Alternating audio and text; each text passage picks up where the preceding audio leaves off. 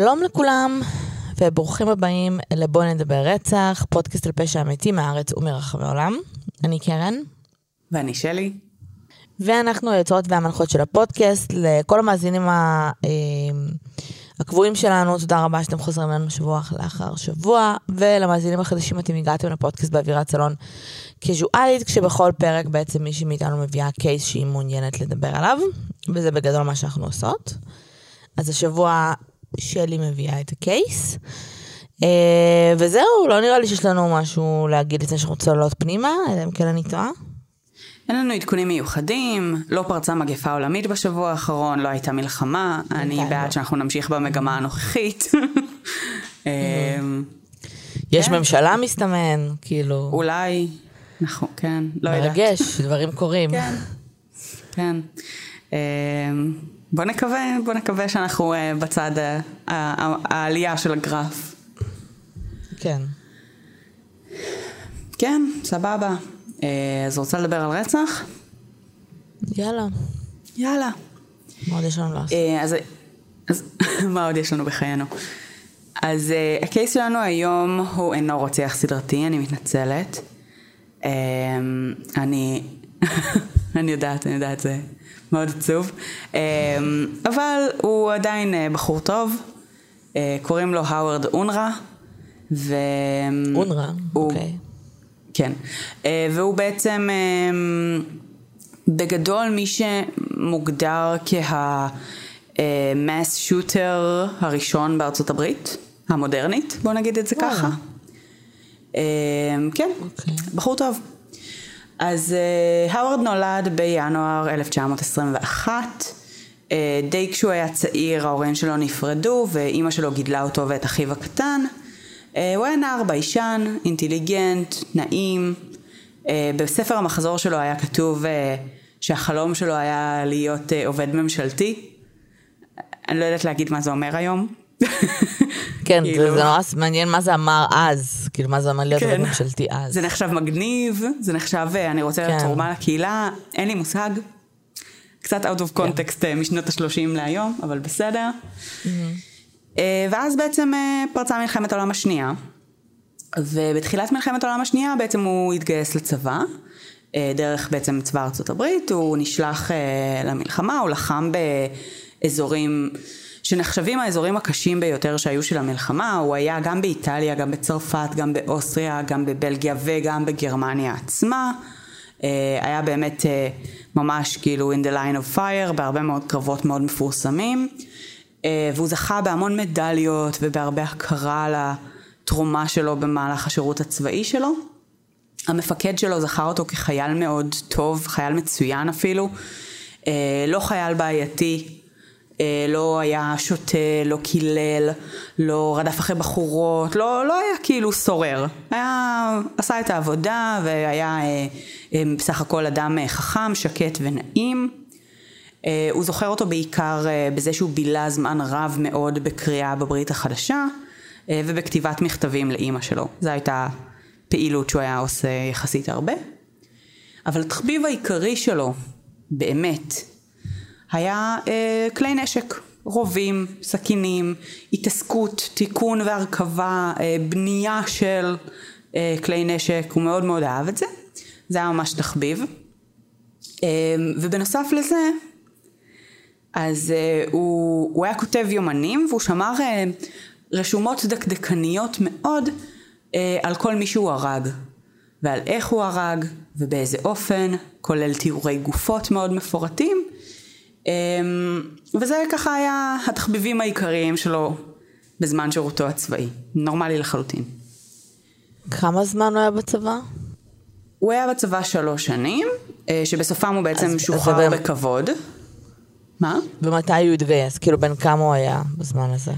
Um, הוא היה באזור גיל 20, אה, זאת אומרת אה, בג- בגיל הסטנדרטי של אה, חיילים, לדעתי אה, כשהוא שוחרר ב, בסוף המלחמה. צעיר כאילו- מאוד. כן. צעיר, um,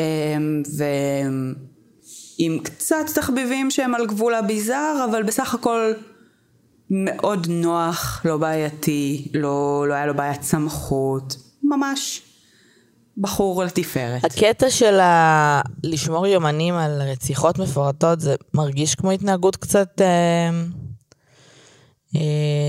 כאילו structure behavior שבטח גם בא לידי ביטוי באספקטים אחרים בחיים שלו. הוא היה בן אדם כזה, היה בן אדם סופר מסודר של רשימות, של כאילו זה, זה עזר לו איכשהו? או שאת לא יודעת? כאילו חוץ לא מהקטע, יודעת החלק הזה. אני לא יודעת מאוד לעומק, אבל זה נשמע שכן. אה, גם בעצם לפני שהוא יצא ל spree killing שלו, בעצם היה לו רשימות של אנשים, ואנחנו נגיע לזה תכף, אה, של אנשים שהוא הרגיש שלועגים לו, או אה, מדברים עליו, או כל מיני כאלה, והוא ממש היה לו ביומנים שלו, הוא היה מסמן לידם את מי הוא רוצה לנקום בעצם. אה, אבל זה היה בשלב יותר מאוחר, בעצם אחרי שהוא חוזר מהמלחמה, המלחמה מסתיימת, הוא עובר לגור עם אמא שלו בניו ג'רזי, אה, אח שלו טוען שהוא לא באמת חזר בדיוק אה, אותו בן אדם, הוא אומר שהוא חזר מאוד מצוברח, לחוץ, מאוד מנותק. אותם שנים לא ממש יודעים מה זה PTSD, גם אפילו היה מונחים כמו war fatigue או כל מיני דברים כאלה, אז גם את זה לא כזה כאילו שזה המונחים היותר מוקדמים של PTSD, גם אותם עוד לא ממש הכירו, אמ, אז כאילו לא באמת ידעו לשייך בשלבים המוקדמים בוודאות שלו התנהגויות מסוימות לאחרי המלחמה, אה, פשוט הניחו שעברו שלוש שנים וגם בני אדם משתנים, וזהו, פשוט, אני מניחה. אמ, אבל היה לו כל מיני קשיים, זאת אומרת היה לו קשיי הסתגלות לחיים האמיתיים, הוא התקשה מאוד להתמיד בעבודה, בלימודים, במערכות יחסים זוגיות, הוא לא הצליח אה, אה, להתמיד, אה, הוא ניסה כאילו כזה לצאת עם איזה מישהי, זה לא כל כך עבד. אה, והוא בילה את רוב הימים שלו באמת בקריאה בברית החדשה בבית אה, ובעבודות ברחבי הבית, הוא כל הזמן שיפץ וסידר ועשה דברים ברחבי הבית. מאוד אהב לעבוד עם הידיים. אנחנו יודעים להגיד למה הוא לא הצליח להסתגל למסגרות אחרי הצבא? זאת אומרת, מה, מה, למה הוא לא הצליח להתמיד בעבודה? כי זה לא נשמע כאילו זה consistent עם האופי שלו. נכון, הוא נרשם בהתחלה ללימודי אה, אה, רוקחות, אה, ואחרי חודש בערך הוא נשר. כשהוא נשר הוא טען שזה היה בגלל אה, אה, קשיים פיזיולוגיים כאילו של לשבת בכיתה או משהו כזה, אני מניחה. זאת אומרת, הוא, הטיעון שהוא נתן היה קשיים פיזיולוגיים. כאילו, אני לא יכול להמשיך את הלימודים בגלל קשיים פיזיולוגיים. Um, אני מניחה שזה באמת, זאת אומרת, איזושהי, איזשהו אי שקט וחוסר יכולת פשוט להתמודד עם, ה, עם המנדיין לייף, um, אבל אין לי מושג. Uh, זה נראה שהוא באמת פשוט לא, לא השתלב, לא הצליח כל כך להבין את העולם הזה שמחוץ למלחמה. Um, זה לא כל כך הסתדר שם, לא עם האנשים ולא באמת עם המסגרות, אבל בתוך הבית הוא באמת אה, יצר לעצמו מסגרת, זאת אומרת היה לו את הדברים שהוא ידע לעשות והוא המציא לעצמו עבודות בתוך הבית ועשה אותם בצורה עקבית, הוא היה מסיים את הדברים שהוא התחיל לעשות שם, אה, הוא כן אה, התמיד עם הקריאה בתנ"ך, בברית החדשה שהיה לו מאוד, אחד התחביבים האהובים עליו. והוא אפילו בנה לעצמו אה, במרתף ממש אה, סוג של אה, חדר עבודה כזה, עם מלא כלי נשק שהוא אה, אסף ובנה והביא ממרביליה מה, מהמלחמה שהמון המון חיילים עשו את זה באותם שנים, הביאו איתם כאילו כלי נשק וכל מיני כאלה שהוא ממרביליה, אה, וממש גם בנה לעצמו מטווח במרתף, ששם הוא גם היה מבלה לא מעט זמן אה, במטווח ובעצם יורה ו... מתעסק עם, ה, עם התחביב שהוא מאוד אוהב של הנשק. אמ, אבל הוא, הוא מאוד לא הסתדר עם האנשים, זאת אומרת בשלב הזה מערכות יחסים שלו בעיירה התחילו להידרדר עם כל מיני אנשים כל הזמן. אמ, השכנים שהיו הכי קרובים לבית אז הוא כל הזמן היה מתעצבן עליהם שהם היו חותכים דרך השביל של ה... זאת אומרת דרך החצר של, של הבית שלהם והוא כאילו לאט לאט התחיל להסתכסך עם אנשים בעיירה אמ, או לפחות ככה הוא ראה את זה, כנראה שהם לא לקחו את זה מאוד קשה, אבל הוא לקח את זה די קשה והוא היה קצת בטוח כזה שהם מדברים עליו וכל מיני כאלה.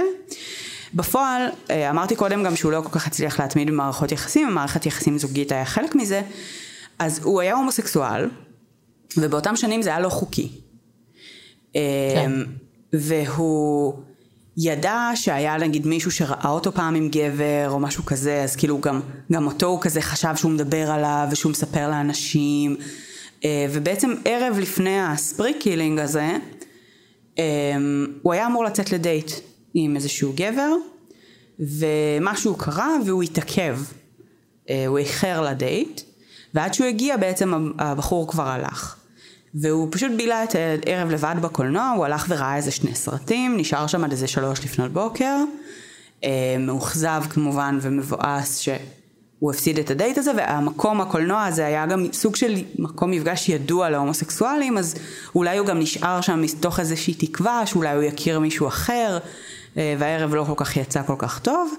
וכשהוא חזר הביתה בשלוש לפנות בוקר אחרי הערב הדי מבאס הזה, אז הוא קלט שהגדר שהוא התקין באותו יום על החצר שלהם כדי שהשכנים יפסיקו לעבור שם, בעצם נתלשה מהמקום, אה, והוא היה בטוח שזה בעצם אותם השכנים אה, הארורים ש... שמתעקשים לעבור שם, בדיעבד גילו שזה סתם היה ונדליסטים כזה, אנשים שכאילו סתם רצו לעשות אה, נזק, טינג'רים. אבל הוא זה היה בעצם הטריגר הסופי, ובעצם הוא קם בבוקר. השאלה שלי היא כזאת, כן. הוא, הוא לא התנהג ככה בעבר, אני מניחה, נכון? הוא היה נכון. כאילו... הסתדר עם השכנים שלו וכולי. אה, נכון, מה שאת מתארת, אני לא מצליחה להבין. בסדר, אבל אני לא מצליחה להבין אם כאילו, אני לא רוצה להשליך הכל על המלחמה, אבל לא מצליחה להבין אם מה שאת מתארת זה פשוט, הוא הרגיש שהוא אה, פחות מסתדר עם אנשים, או מה שאת מתארת זה אה, שלבים מוקדמים של סכיזופרניה פרנואידית. כאילו, כי, לא, כי את מדברת הרבה על זה שהוא הרגיש שהוא נרדף ושמדברים עליו כל הזמן. כאילו, זה נשמע כמו מחשבות שווא, זה נשמע כמו מצב שהוא לא היה במאה אחוז מחובר למציאות של מה שקורה סביבו. את, uh, you couldn't be more right, um, וזה באמת איפשהו שם על הגבול. Um, כנראה שהיום, אם היו מאבחנים אותו, אז מאמינים שהוא כנראה לא היה מאובחן כסכיזופרנט פרנואידי, אבל דאז בסופו של דבר זה באמת מה שאבחנו אותו. אמ, ולכן הוא לא עמד למשפט.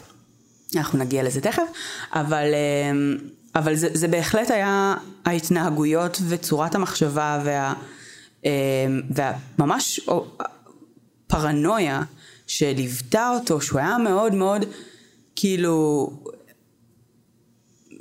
מאוד תקוע על המחשבות, על המחשבות האלה ועל הדברים האלה ולא הצליח להבין שבאמת לאף אחד לא אכפת. אה, אנשים לא מדברים עליך, לאף אחד לא אכפת ממך בתכלס, אבל הוא היה ממש ממש תקוע על זה שאנשים מדברים עליו, שאנשים לועגים לו, שלועגים לו על זה שהוא חי על חשבון אימא שלו והוא לא עובד. אה, אולי, אולי זה אפילו היה צורה, צורה מסוימת של OCD גם, המחשבות האלה. כאילו, משהו שם לא היה תקין, הוא המציא כאילו לעצמו סיפורים בראש על, על זה שאנשים ברמה שהוא צריך כאילו ללכת ולנקום בהם עכשיו. נכון. וזה לא היה לפני. אנחנו מדברים נכון. פה על בחור בגיל העשרה המוקדמות, שהמלחמה אולי גם... סייע למישהו, למשהו להתפרץ. נכון, לחלוטין. והוא גם כותב על זה ביומנים שלו, והוא כותב כל הזמן בעצם, כל פעם שהוא מתאר איזו סיטואציה שבה הוא חושב שהם מדברים עליו, או ש... זאת אומרת שהוא כזה reading into uh, התנהגויות של השכנים או אנשים בעיירה, אז הוא גם ממש כותב באמת ליד חלק מהם, כאילו על מי הוא רוצה לנקום, ו... וכאילו, ומסמן לעצמו אותם. Um, וזה באמת משהו שהוא כאילו לכאורה מתכנן לתקופה, זה לא ברור אם הוא באמת תכנן לעשות את זה או לא, עד שהגיע הטריגר הזה שבאמת אה, הדליק לו ושרף לו את הפיוזים אה, בסוף. אה, אבל הוא לחלוטין ידע שמה שהוא עושה זה לא בסדר. ופה באמת היה דיון על זה בשלב יותר מאוחר, שהוא בא והוא הודה והוא אמר שמגיע לו את האלקטריק צ'ר, והוא גם בן אדם דתי, אז הוא גם מאמין בזה שהוא בן אדם שחטא וכולי. אמ, והוא לחלוטין הבין שמה שהוא עשה היה לא בסדר. אמ, אז היה כל הדיון של בעצם האם הוא היה מבחינה חוקית כשיר למשפט או לא, היה באמת דיון מורכב, אמ, אבל בשנים ההם הרבה מההגדרות גם היו קצת שונות וגם התהליכים היו פחות מחודדים ממה שהם היום. אה, ה-DSM מן הסתם לא היה איפשהו היום. אז אה, הרבה מהדברים האלה באמת אה, קצת שונים ממה שזה היה היום, ו... אה, יש הרבה שסוברים שאם זה היה קורה היום, אז הוא כן היה כשיר למשפט, כן היו שופטים אותו, כי הוא כן הבין right from wrong. אז בואי נדבר באמת על מה קרה באותו בוקר, באותו יום. אה, בפועל, שישי לספטמבר 49, הוא בן 28 בשלב הזה. אה, הוא קם באיזה שבע בבוקר, אוכל ארוחת בוקר, קופץ לאיזה משהו וזה. בשעה תשע ועשרים הוא יוצא מהבית מצויד בנשק, אחד מהממרביליה שלו אה, מהמלחמה, ותחמושת בכיסים, פשוט מלא מלא כדורים בכיסים, אה, ובמשך פרק זמן שלא ברור לי אם זה 12 או 20 דקות, אבל זה איפשהו in between, אה, הוא פשוט עושה איזה מין הליכה בעיירה, שהיום מתייחסים אליה כ-The Walk of Death, אה, שבעצם במהלכה הוא, הוא פשוט עובר אחד אחד מה, אה, מבתי העסק, מהאנשים, הסופ... בעצם הספר, האופה, החייט וכל האנשים שפשוט הפריעו לו בדרך והוא פשוט יורה בהם והורג אותם הוא הורג בעצם 13 אנשים מתוכם שלושה ילדים אחד בן שנתיים ופוצע עוד ארבעה אנשים בכוונה? כן. הוא הרג ילד בן שנתיים בכוונה. סוג של. אחר כך הוא טוען שהוא בעצם לא באמת okay. אוקיי. הבין שהוא כאילו, אה, לא באמת ראיתי בין כמה הוא היה, לא באמת הבנתי שאני יורה זה, אבל פחות או יותר כן. היו כמה מהחלקים האלה שהוא גם סתם ירה כזה דרך הדלתות זכוכית של הבתי עסק וכל מיני כאלה. חלק מהילדים אולי מתו בטעות, חלק ממש כאילו פשוט היו in the line of fire. אה, פשוט לא היה לו אכפת כל כך על מי שהיה מסביב. אבל דיברנו על זה שהייתה לו רשימה, שהיו נכון. לו היט, היט ליסט שהוא היה צריך להגיע אליה. נכון, אז הוא הלך לרשימה. זה קצת מוזר לי שזה סוג הבן, סוג הבן אדם שיסטה מזה. בעיקרון הוא הלך לרשימה שלו, הוא הלך לפי הרשימה שלו, אבל היו אנשים שהפריעו לו בדרך. למשל, הספר סיפר ילד בזמן שהוא היה שם, אז הוא פשוט ירה גם בילד. או בדרך לאחד המקומות האחרים, מישהו הפריע לו, והוא אמר לו זוז. והוא לא זז מספיק מהר, אז הוא ירה בו. כל מיני בעצם מצבים שבהם אנשים הפריעו לו, ואז הוא הרג גם אותם. הוא הצליח להגיע לכל הרשימה שלו אגב? לא נראה לי. אוקיי. Okay. אה, בכל אופן באיזשהו שלב הוא מתחיל לשמוע סירנות באופק, הוא מבין שאוקיי, כאילו נגמר. הוא חוזר הביתה והוא ננעל בבית, אה, כאילו הוא מסתתר שם. אה, ודי מהר מן הסתם המשטרה מקיפה, אה, ומתחילים אה, בלאגנים ועניינים. וזה עיירה, כאילו זה אזור לא מאוד גדול, כזה כולם מכירים את כולם, די מהר השמועה עוברת גם על מי עשה את השוטינג. אה, ואיזה עיתונאי שפשוט שמע את השם, מחפש כזה ב-Yellow Pages את המספר טלפון שלו, ומתקשר אליו הביתה. והטלפון מצלצל, והוא כזה, טוב, הוא אין סיכוי שהוא יענה. כזה, מה הסיכוי? אמ, ובזמן שיש שוטרים מחוץ לדלת, ויש אפילו, כאילו הם יורים עליו מדי פעם וכאלה. וואו. אמ, הוא עונה לטלפון. אמ, והעיתונאי, ש... והוא עונה כזה בקול ברור וחזק, את יודעת, לא, לא משהו שנשמע מלא בחרטה או מתחבא או משהו כזה, ממש לא. והעיתונאי שואל אותו, is this Howard? והוא אומר, אה, yes, what last name? of the party that you want, כאילו, איזה האוורד אתה מחפש? אז הוא עונה לו, אונרה. אז, אז האוורד עוצר כזה ושואל אותו, רגע, איזה last name אתה מחפש? הוא אומר לו, אונרה. Um, ואז הוא אומר לו, I'm a friend and I want to know what they're doing to you. אז, uh, אז האוורד אומר לו, they're not doing a damn thing to me. but I'm doing plenty for them. כאילו בקטע של כזה, אף אחד לא עושה לי שום דבר, אני עושה פה. כאילו, על מה אתה מדבר?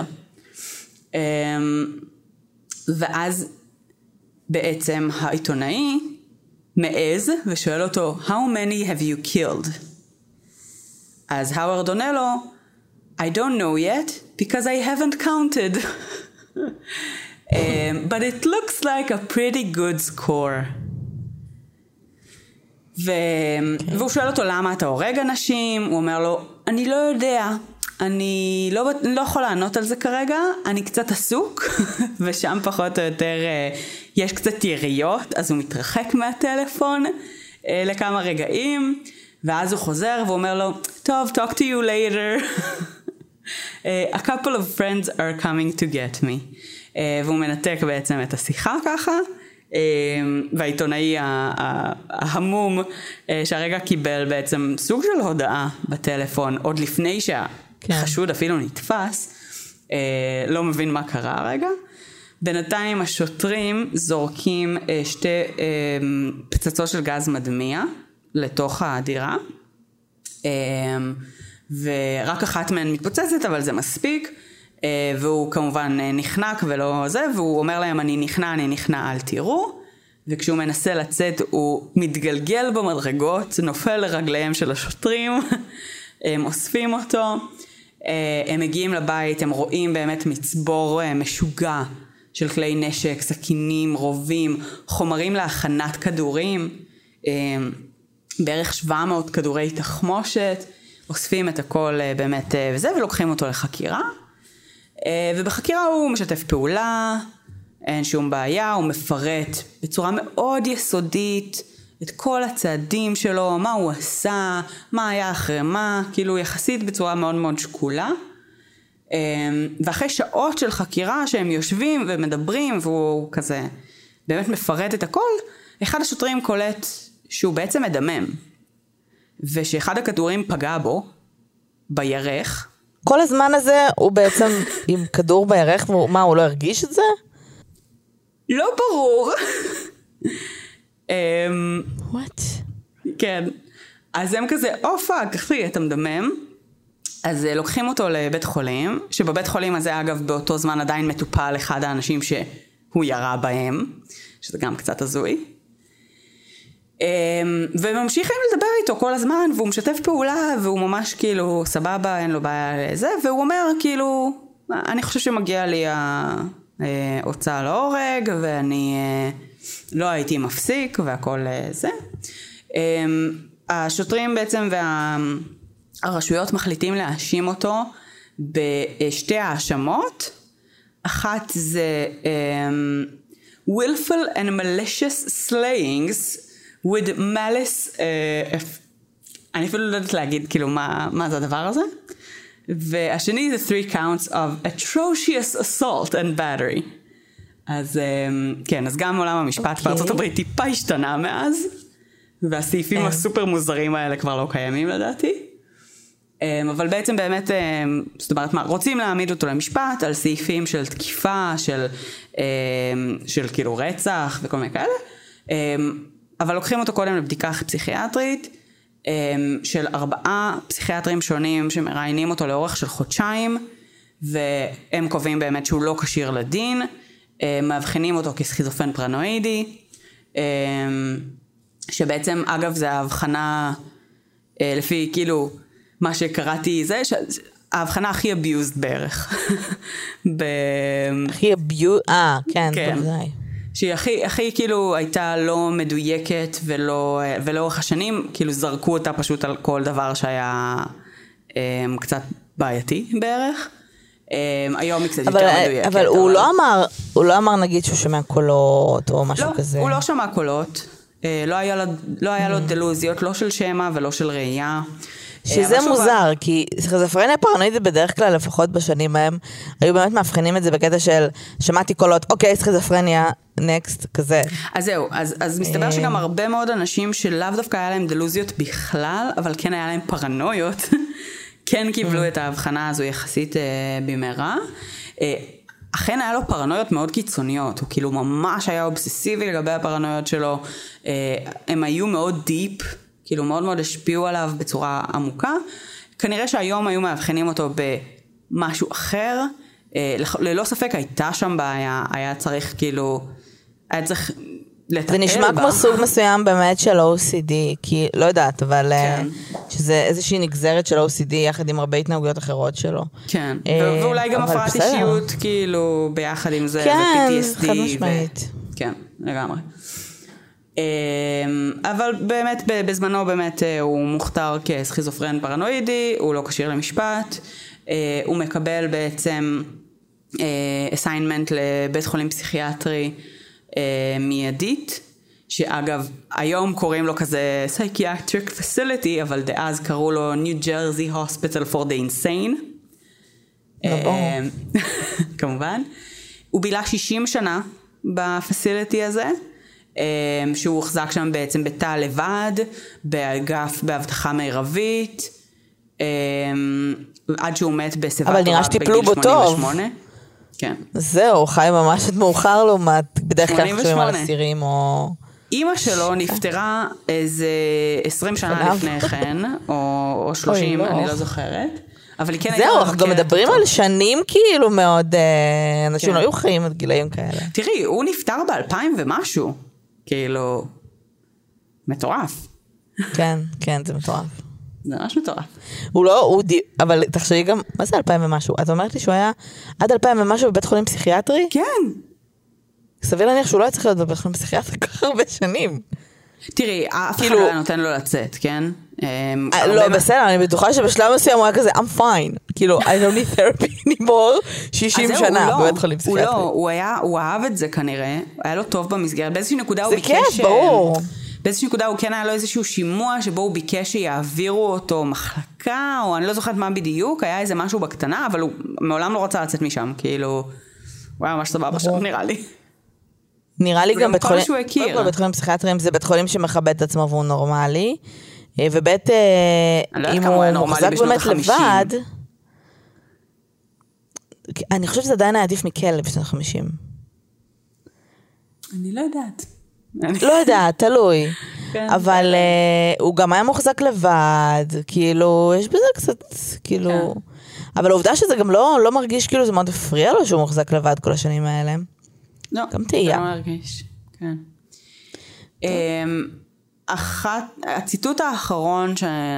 שהוא אמר, שאנחנו יודעים עליו בעצם, שנאמר בצורה שהיא יחסית פומבית, זה משהו שהוא אמר לאיזשהו מטפל, והוא אמר לו, I have killed, uh, I'd have killed a thousand if I had enough bullets. זאת אומרת, מבחינתו הוא מעולם לא הביע חרטה, הוא היה הורג, את, כאילו היה הורג אלף אנשים גם אם היה לו מספיק כדורים לעשות את זה ולא היו עוצרים אותו. אה, ולמרות שהוא כן, הוא לא הביע חרטה, אבל הוא כן אמר כזה, אוי אני מצטער קצת על הילדים, כאילו לא באמת התכוונתי להרוג ילדים, אבל כאילו לא כזה באמת הפריע לו. Um, כאילו כשהוא דיבר עם השוטרים וכאלה, הוא היה כזה, אה, שיט, נכון, אבל הרגתי ילדים, אולי לא הייתי צריך לעשות את זה. אבל לא, הוא לא מאוד הביע חרטה באמת על מה, ש, מה שהיה שם, uh, והוא גם אמר, כאילו הייתי עוד הורג מלא אנשים, כאילו הייתי ממש מוכן לזה. Um, אז זה הסיפור. Uh, אני יכולה לספר לך בנוסף לזה עוד אנקדוטה מאוד נחמדה, שבעצם בתוך הרמפייג' שלו, בספרי שלו, היה איזשהו ילד בן 12, אה, שהתחבא בארון, בזמן שאימא שלו גם התחבאה בארון אחר, באותו אה, מקום, ואת האימא הוא תפס והוא הרג אותה, אה, והילד נשאר בחיים,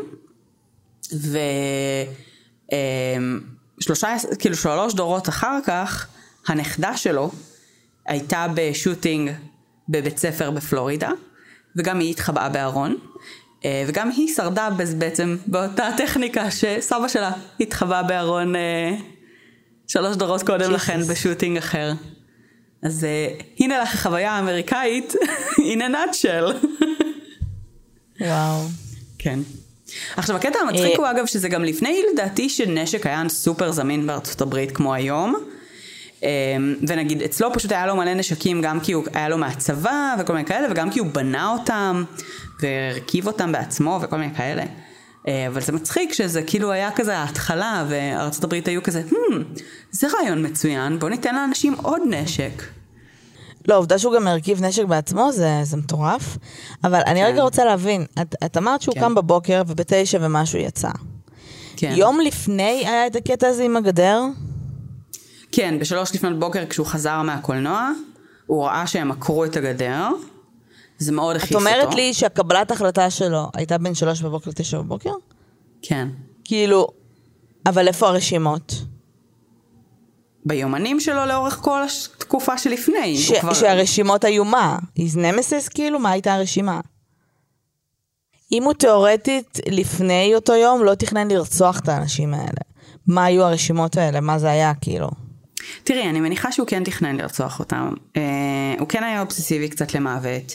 אה, הוא כן שמר רשימות באמת של הקורבנות שלו מהעבר, והוא כן שמר את הרשימות האלה של כל האנשים האלה שהוא חשב שלועגים לו או מדברים עליו, ותכנן לנקום בהם.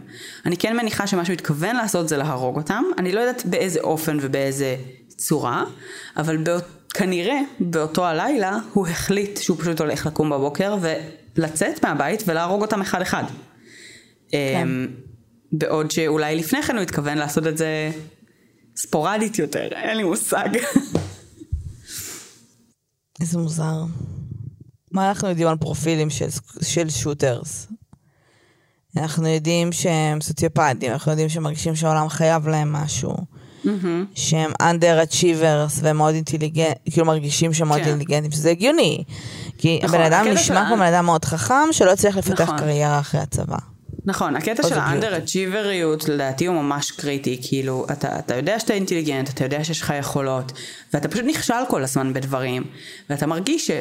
שכאילו, והקטע הזה גם שהוא הרגיש שכולם צוחקים עליו כל הזמן, זאת אומרת, על זה שהוא נכשל, אה, על זה שהוא לא מצליח. אה, כן, אז לדעתי היה מאוד מאוד חזק אצלו, וזה משהו שגם באמת מאוד בולט גם אצל אחרים. כן. כן, כאילו לפעמים יש מצבים שיש אנשים מאוד מאוד אינטליגנטים, אבל יש בעיית אישיות. Mm-hmm. חמורה מספיק כדי שתמנע מאיתנו לתפקד בחברה כמו שצריך, וזה גם בגלל שאין היום תפקידים כמעט שלא כוללים אה, איזושהי אינטראקציה עם בני אדם, אז הרבה כן. פעמים זה פשוט, זה מה שקורה. מעניין, הוא קצת אניגמה, כאילו, אני מנסה להבין, יש, יש המון המון סוגים של התנהגויות שם ש... שמאוד מעניינות, כאילו... כן.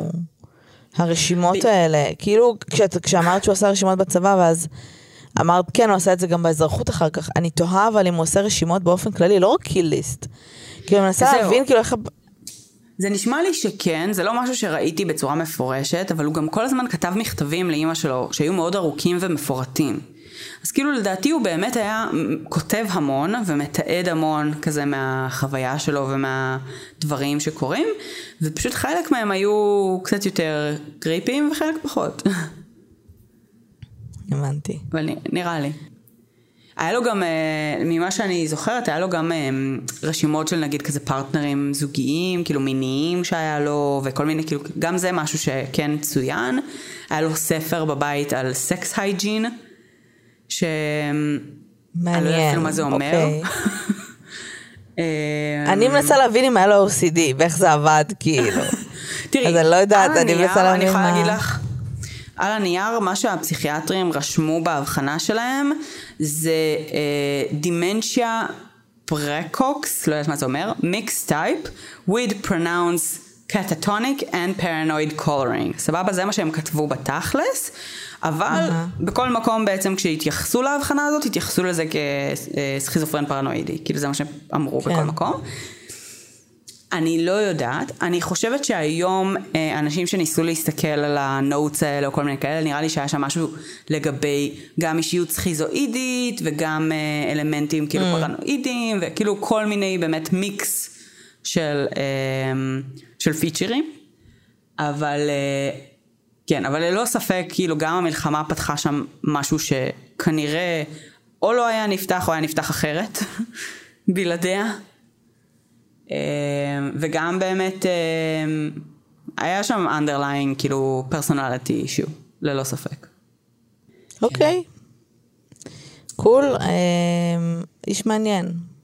כאילו...